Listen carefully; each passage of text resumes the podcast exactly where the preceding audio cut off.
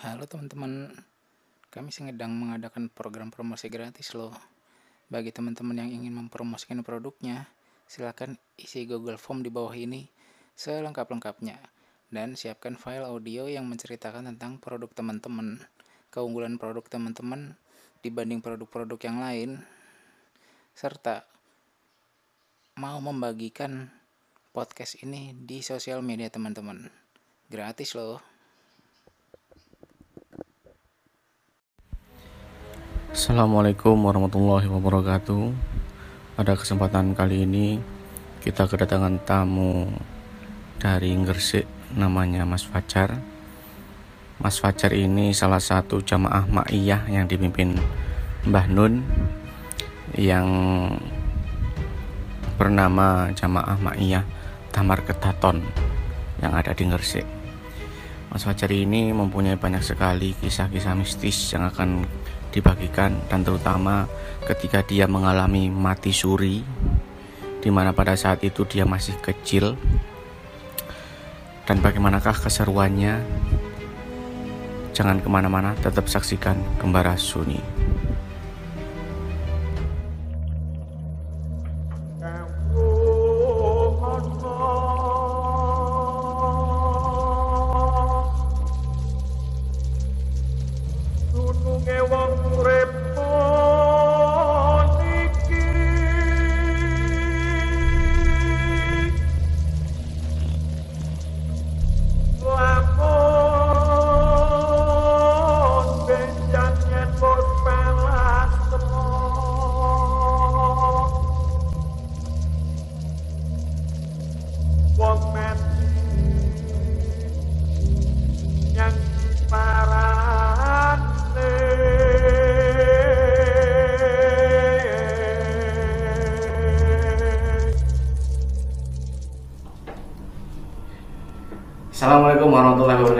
Fajar Waalaikumsalam warahmatullahi wabarakatuh. Mana kabarnya hari ini? Alhamdulillah baik bisa datang ke sini. Alhamdulillah ya.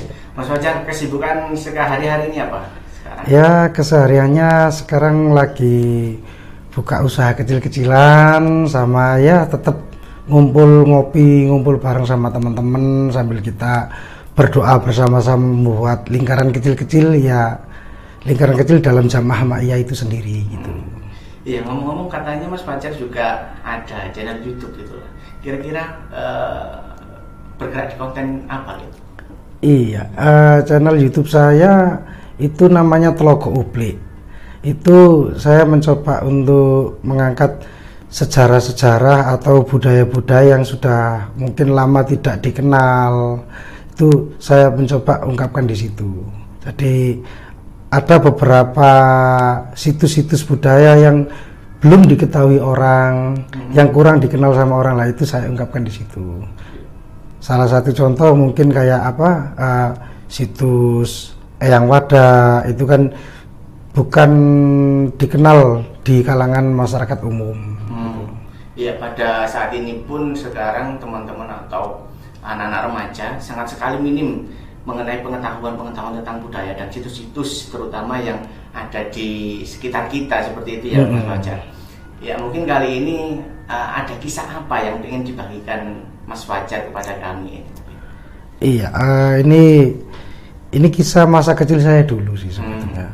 Masa kecil saya dulu kebetulan dulu itu ya saya seperti anak-anak biasanya pada umumnya. Waktu kecil itu umur satu tahun, dua tahun dia senang bermain. Cuma eh, ada keanehan yang diceritakan oleh teman-teman dan juga orang tua saya bahwasanya saya dulu itu waktu kecil sering makan daging mentah sering makan daging mentah tak bawa ke apa eh, di bawah pohon apa namanya pohon bambu itu kalau orang Jawa bilang barongan itu. sering tak bawa ke situ jadi makan ayam mentah makan ikan mentah bahkan bapak saya itu sempat marah-marah ketika waktu membersihkan bak kamar mandi itu ikannya tak makan masih hidup itu tak makan itu perjalanan waktu masih kecil Nah, cuma eh, lama kelamaan hal itu hilang. Terus kemudian yang sampai sekarang menjadi kenangan saya yang tak terlupakan seumur hidup yaitu saya pernah meninggal. Gitu. Meninggal. Iya.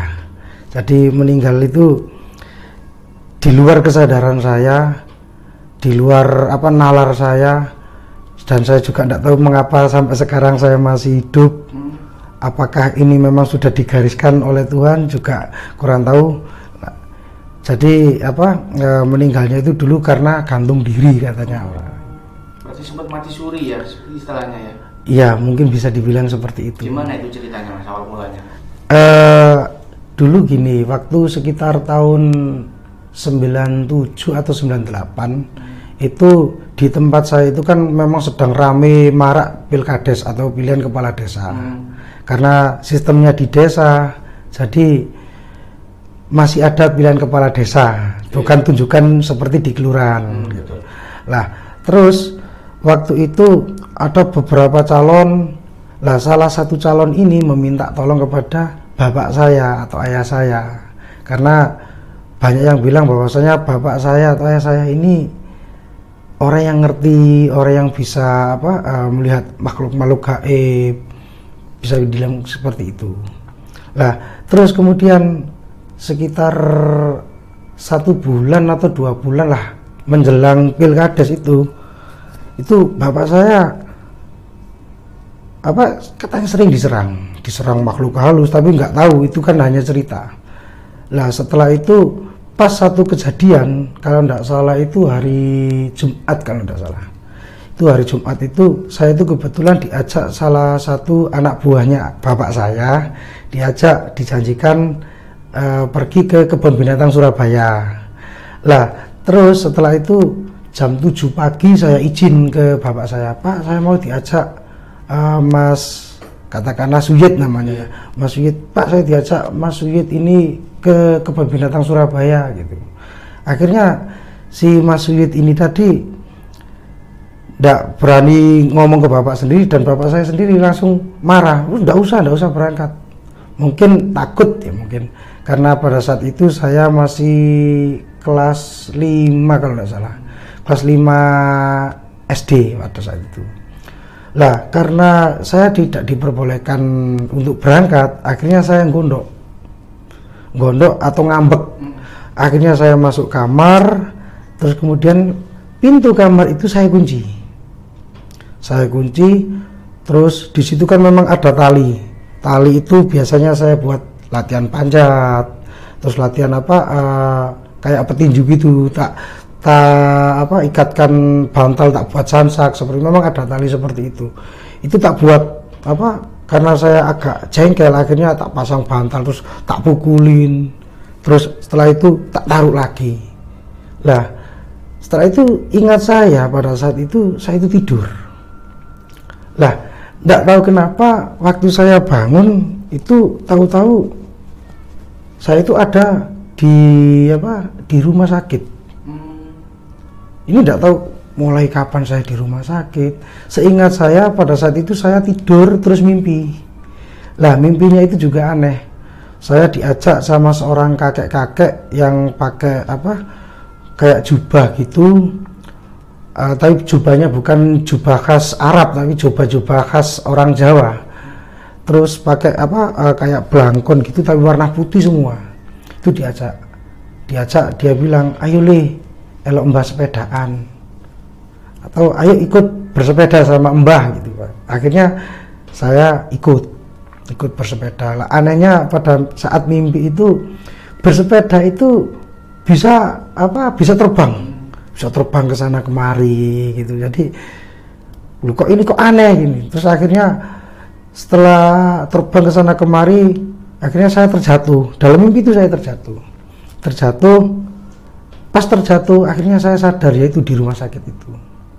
Di rumah sakit itu kalau tidak salah siang kalau tidak salah siang atau sore itu ya. Itu saya itu melihat ke langit-langit rumah sakit itu terus akhirnya saya tanya lu saya di mana? Itu terus akhirnya bapak saya itu sambil agak-agak nangis agak-agak sedih sambil campur gembira bilang di rumah sakit gitu. Akhirnya pingsan lagi malam sekitar tidak tahu pukul berapa ya. Karena pada saat itu memang tidak ingat sama sekali. Malam itu saya terbangun lagi. Loh pak ini saya loh kok leher saya kok sakit gitu. Jadi di sini sakit memang sakit. Tapi tidak tahu ada bekas tali atau apa saya memang tidak memeriksa. Cuma pada itu memang sangat sakit. Pak leher saya sakit. Padahal saya tadi bersepeda diajak mbah bersepeda saya bilang gitu. Lah itu bapak saya bilang gini iya kamu tadi bersepeda terus jatuh kata bapak saya gitu. Lah akhirnya setelah tanya seperti itu pingsan lagi.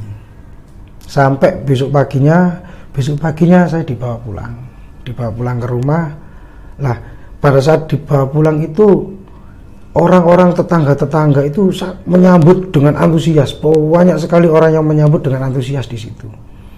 Ada yang nangis ada yang kayak kayak gembira jadi saya juga bertanya-tanya loh ini kenapa ini? Kok kayak kayak saya ini kecelakaan besar gitu. Terus akhirnya saya disuruh bapak saya masuk.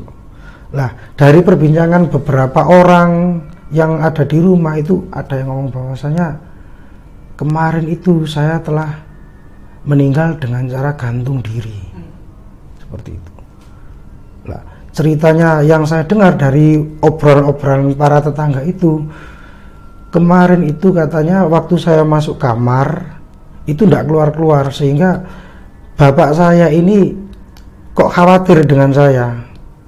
Akhirnya bapak saya melihat kondisi saya di kamar pengen melihat tahu pintu dikunci. Akhirnya bapak saya melihat dari bawah itu apa bawah pintu. Di bawah pintu kan ada space atau jarak antara pintu dengan lantai sekitar 5 sentian itu ya.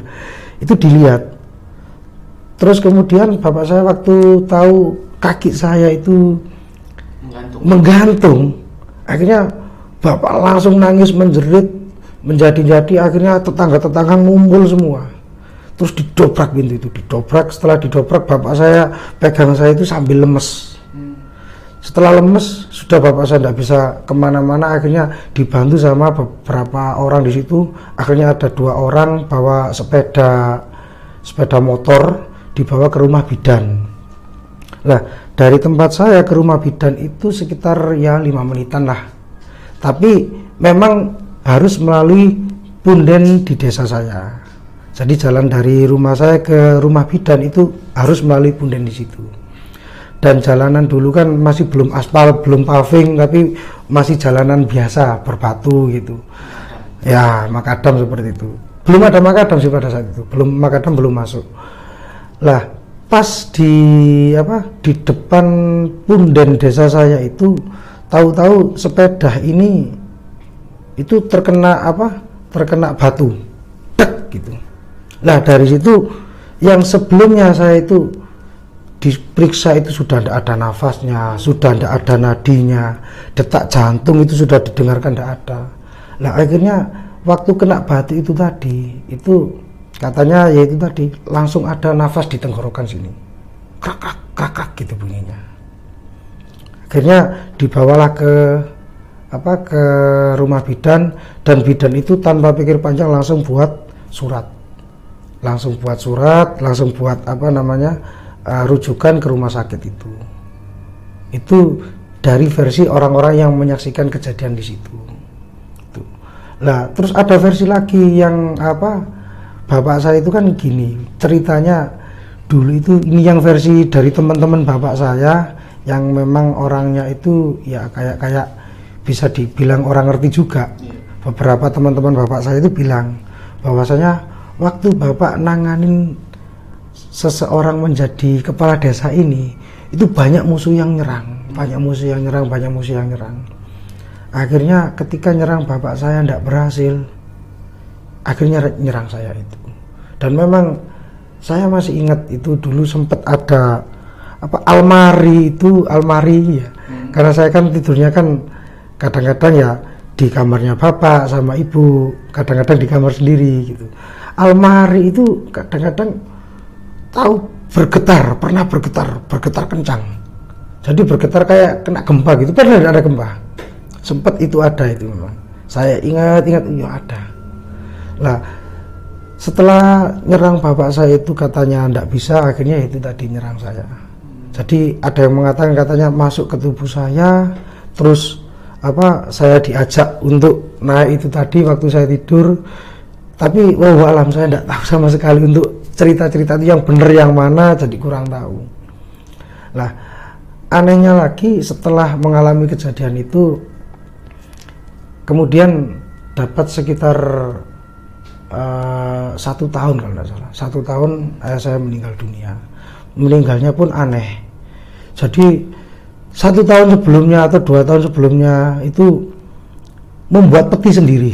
Membuat peti sendiri membuat kain kafan sendiri. Jadi disiapkan semuanya. Itu bapak saya seperti itu. Waktu mau meninggal. Itu anehnya bapak saya. Terus uh, setelah saya mendapatkan kejadian gantung diri itu pas kalau tidak salah kelas 1 SMP hmm. itu saya tuh tidur terus mimpi kayak kayak mimpi tapi kayak kayak nyata gitu orang bilang mungkin tindin hmm. tindin jadi saya tuh didatangi sama kakek-kakek yang ngajak saya bersepeda itu tadi. Uh -uh. itu didatangi tapi saya tidak bisa bergerak itu sampai berulang-ulang sampai tiga kali kalau salah lah setelah tiga kali itu saya sering kali disuruh apa uh, ngambil kayak pusaka disuruh jadi dikasih tahu di sini ada pusaka disuruh ngambil di sana ada pusaka suruh ngambil. Tapi sampai saat ini belum pernah saya lakukan itu untuk apa pusaka-pusakanya itu. Karena tidak seberapa suka pada saat itu dengan pusaka-pusaka seperti tidak seberapa suka. Mungkin ada keanehan lagi mungkin sebelum bapaknya Mas Fajar tadi meninggal itu mungkin Mas Fajar ada apa ya, pengalaman lagi mungkin yang istilahnya itu bapak kan tanda kutip orang yang pinter gitu loh ya. Uh. Mungkin ada lagi nggak selain yang ada itu, uh, me, apa itu, tadi kursi kursi ya. Oh bukan apa itu? Oh lemari, lemari ya. Lemari yang seperti itu mungkin ada sosok lain mungkin apa gitu. Ya kalau saya melihat uh, kalau kejadian di bapak saya melihatnya itu biasanya hanya kadang-kadang ya salah satu contoh ya kemarin itu barang-barangnya bapak saya itu hilang semua jadi kayak bapak dulu punya keris kecil punya apa namanya uh, pedang yang panjangnya sekitar 50 cm hmm. itu hilang semua barang-barangnya seperti itu hilang semua tidak tahu ke mana sampai sekarang pun saya cari tetap tidak ada jadi barang-barangnya ayah saya yang seperti itu tidak ada semua. Itu kalau ayah saya ya gitu orangnya. Berarti setelah meninggalnya bapaknya Mas Wajar mm -hmm. Mas Wajar pernah didatengin sama bapaknya Mas Wajar nggak? Mungkin ada pesan khusus atau seperti apa gitu? Iya pesan yang paling saya ingat sampai sekarang adalah pesannya bapak jangan pernah apa namanya uh, mengungkapkan kebaikan bapak di depan orang-orang. Karena memang gini dulu bapak saya kan sempat menjabat sebagai ketua RW waktu bangun-bangun apa kayak plengsengan kayak bangun selokan gitu itu sering kali menggunakan dana pribadi gitu. Nah itu katanya bapak gini wis nggak usah ngungkap bapak apa kebaikan bapak atau pengorbanan bapak. Karena kalau seperti itu nanti ilmunya bapak akan luntur katanya gitu. Tidak tahu luntur ini mungkin saya kembalikan lagi kepada keikhlasan. Keikhlasan jadi intinya kalau kita sudah beramal diingat nggak diingat itu kita tetap harus ikhlas. Itu yang pesan dari bapak yang saya ingat sampai sekarang. Itu kan sekitar tahun berapa itu mas? Kalau pesannya itu setelah saya lulus SMA, SMA. setelah lulus SMA sebelum menikah itu bapak berpesan seperti itu. Hmm mungkin setelah menikah ada mengalami pengalaman yang unik lagi mungkin? Ya sebetulnya sih ya lumayan deh. Mungkin bisa dibagikan mungkin kalau iya. mungkin. Uh, pernah ini gini mungkin uh, kita ngomong tentang Gunung Pucangan Jombang. Hmm. Gunung Pucangan di Jombang tempat pertapaan uh, Prabu Erlangga sama anaknya yang makamnya sampai sekarang ada di situ yakni Dewi Kili Suci. Nah itu saya ke Gunung Pucangan itu memang saya sering ke sana, sering ke sana. Terus kemudian suatu hari saya ngajak sama ngajak temen, ngajak temen. Lah ketika ngajak temen ini ini kan temen ini kan gini apa orangnya itu suka pusing suka pusing kalau pusing judi kalau pusing judi jadi pada saat pusing itu saya bilang gini cak daripada pusing ayo ikut saya. Ke mana? Ngopi ya bilang gitu. Lah saya ajak ngopi akhirnya saya ajak bersepeda dari Menganti ke Jombang. Setelah itu kita ke Gunung Pucangan setelah ke Gunung Pucangan kita masuk ke makamnya masuk ke makamnya biasa-biasa saja. Terus kita ke atas lagi pesen kopi kita minum di atas di gazebo yang atas. Ya biasa-biasa saja tidak ada kejadian aneh-aneh. Turun gitu. Tidak ada kejadian aneh lah pas kebetulan kita mau pulang itu apa namanya tahu-tahu mendung itu gelap. Gelap pekat. Terus setelah itu hujan hujannya itu hujan badai yang luar biasa. Sama angin luar biasa. Dan itu di situ saya dengar banyak sosok dengar dengan apa telinga itu banyak sosok yang bilang ojo muli katanya gitu. Jadi intinya kita tidak boleh pulang. Kita tidak boleh pulang. Akhirnya sampai juru kunci yang ada di situ itu mondar mandir tidak karu-karuan bingung kok sampai seperti ini? Nah ketika saya di situ terus akhirnya kita kan nunggu hujan agak reda sedikit setelah hujan agak reda sedikit, saya beranikan diri untuk turun pulang. Nah, kebetulan kan di sampai di makamnya itu kan parkirannya kan sampai atas. Saya bawa sepeda turun, turun. Lah pas turun itu hanya berjarak sekitar 500 meter dari makam itu ada pohon yang besarnya itu mungkin dipeluk orang dua gitu, itu jatuh di depan kita ya untung kita tidak kena. Untungnya kita tidak kena. Sampai sepeda motor itu kita turun kita tuntun sambil miring gini. Sambil miring gini. Akhirnya di situ ada lagi yang jatuh sebelah sebelah. Jadi kayak kayak jatuh itu kayak kayak uh, menyuruh kita jangan pulang. Tidak tahu dengan alasan apa kurang tahu saya. Akhirnya saya tetap bersepeda pulang dengan hujan yang rintik-rintik yang agak reda itu pulang terus kemudian waktu pulang nyampe di pertigaan eh, perempatan ini Dawar Belandung Mojokerto itu saya tanya sama temen yang saya ajak tadi. Cak mohon maaf saya tanya eh, sampean tadi bawa apa dari makam? Saya tanya gitu. Akhirnya beliau bilang saya bawa tanah makam. Jadi teman saya ini tanpa sepengetahuan saya itu bawa tanah dari makamnya Ibu Dewi Gili Suci ya itu mungkin yang membuat penunggu penunggu-penunggu di situ marah atau apa gitu. sehingga tidak boleh pulang. Sehingga tidak boleh pulang. Akhirnya saya tanya buat apa? Cak saya bilang gitu. Ya katanya ya untuk kejahatan lah ini ya katanya untuk untuk kejahatan untuk biar apa saingannya itu jatuh atau apa gitu. Terus saya ya berpesan kepada si teman saya tadi itu gini cak ini pesan kalau bisa hal-hal seperti itu dihindari daripada nanti sampean yang kena sendiri. Terus kalau bisa tanah ini ayo dikembalikan. Dan anehnya karena ini tadi kan tak bilang kita tadi sebetulnya tidak boleh turun tidak boleh pulang kita sebetulnya. Karena dengar jelas bisikan itu gak boleh pulang kita.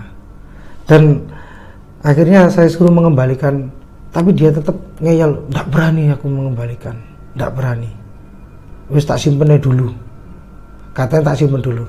Terus tak bilang gini ya udah kalau memang tidak berani besok nek berani kembalikan tak bilang gitu dan tidak tahu kelihatannya sampai saat ini.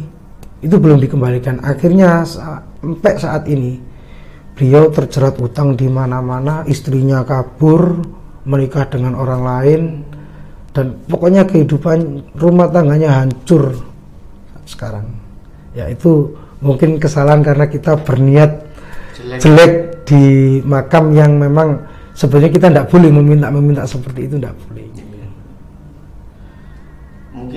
Mas Fajar kan sempat bercerita pernah uh, mengajak keluarga ke apa itu camping, mengenalkan dengan alam. Itu dari Mas Fajar sen- sendiri tujuannya itu apa sih? Ah iya, memang saya seneng ngajak camping. Memang saya dari dulu suka dengan alam nuansa gunung, eh, apa yang agak sepi gitu memang seneng. Tadi saya kenalkan juga keluarga saya, anak-anak saya.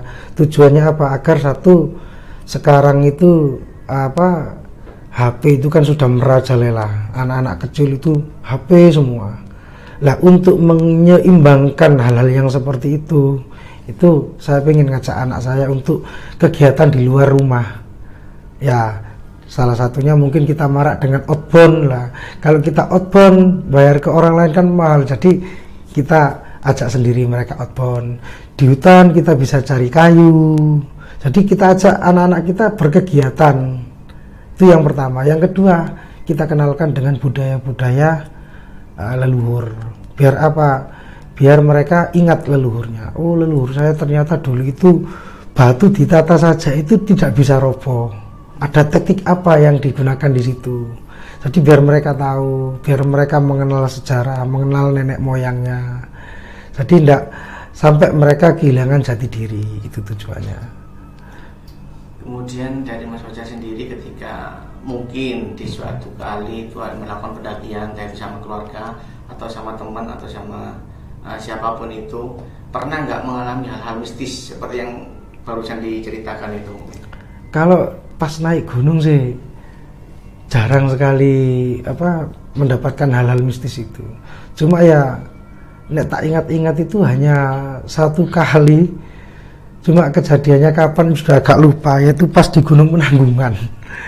Itu kita sudah uh, mungkin sudah puluhan kali naik ke Penanggungan itu sudah puluhan kali lewat Desa Kunjorowesi. Mulai tahun 85 pembina saya itu sudah di sana. Dan kebetulan saya dulu ke Kunjorowesi itu kan sekitar mulai tahun 2001 kalau tidak salah dulu itu 2008 atau 2009 gitu. Kalau tidak salah loh ini tahunnya itu. Itu ada adik didik saya ya bukan adik didik sih ya intinya adik junior itu melakukan pendakian ke sana gitu. Lah pas melakukan pendakian ke sana itu apa lewat Kunjorowesi pulangnya itu tidak tahu jalan. Sampai berapa kali itu ya? Sampai empat atau lima kali lah mungkin. Itu muter aja di daerah situ. Lah karena pembina saya ini orangnya agak yang ngerti juga akhirnya ditanya apa kesalahan saya? Karena saya tidak tahu. Akhirnya pembina saya bilang gini apa dapat bisikan intinya? Katanya ada yang membuang nasi nasi sisa ndak habis itu dibuang sembarang tempat. Jadi intinya kita tidak boleh mengotori gunung. Kita tidak boleh buang sampah sembarangan. Kalau bisa kita datang bersih pulang pun juga bersih gitu. Jadi itu sampai muter sampai beberapa kali. Akhirnya itu tadi di apa disebut oleh pembina saya akhirnya kita bisa turun. Cuma untuk cerita pasnya saya agak-agak lupa-lupa ingat itu. Mulai dari apa namanya dari berangkatnya itu pas hari apa itu agak agak lupa. Karena memang sering di situ memang sering. Pernah pendakian ke Gunung Penanggungan itu sampai lima hari gitu. Pernah seperti itu. Lewat Solo Tundo pernah dulu Solo Tundo itu tak rasakan kayak apa kayak hutan Amazon gitu. Jadi tidak terjamah manusia. Kalau dulu tapi sekarang mungkin sudah enak lah. Enak, udah rame juga mas.